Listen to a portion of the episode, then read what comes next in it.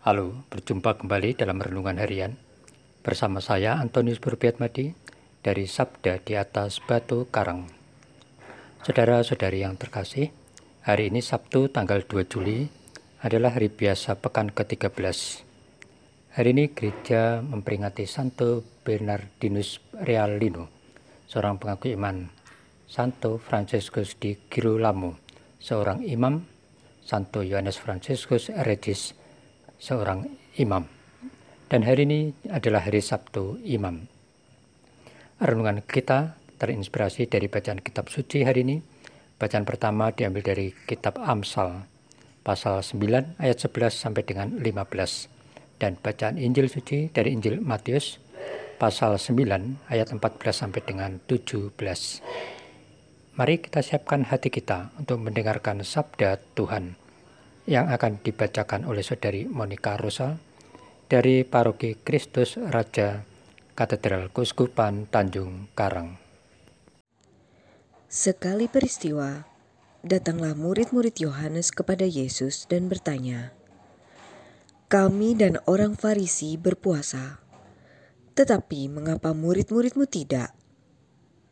Jawab Yesus kepada mereka, Dapatkah sahabat-sahabat mempelai laki-laki berduka cita selama mempelai itu bersama mereka? Tetapi akan tiba waktunya mempelai itu diambil dari mereka dan pada waktu itulah mereka akan berpuasa.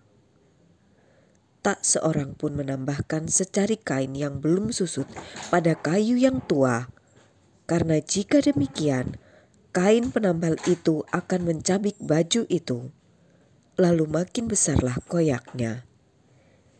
Begitu pula anggur yang baru tidak diisikan ke dalam kantong kulit yang tua, karena jika demikian, kantong itu akan koyak sehingga anggur itu terbuang dan kantong itu pun hancur.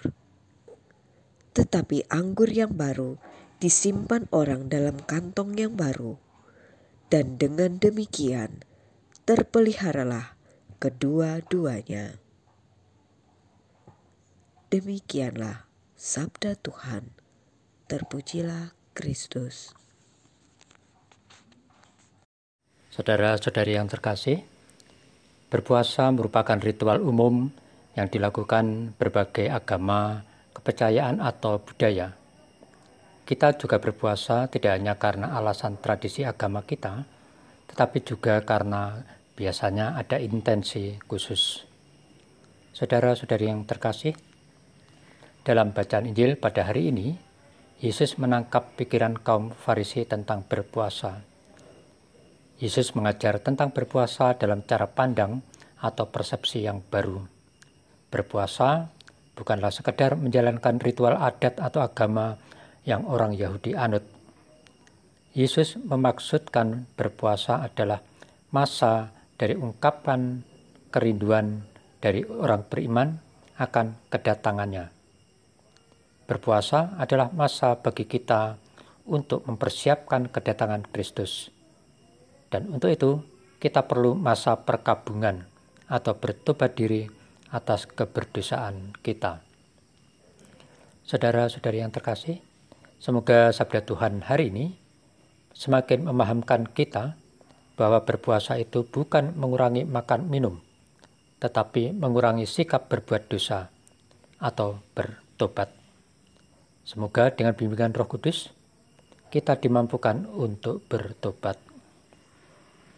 Ya Yesus, semoga aku mampu untuk berpuasa agar pantas menyambut kedatanganmu. Amin.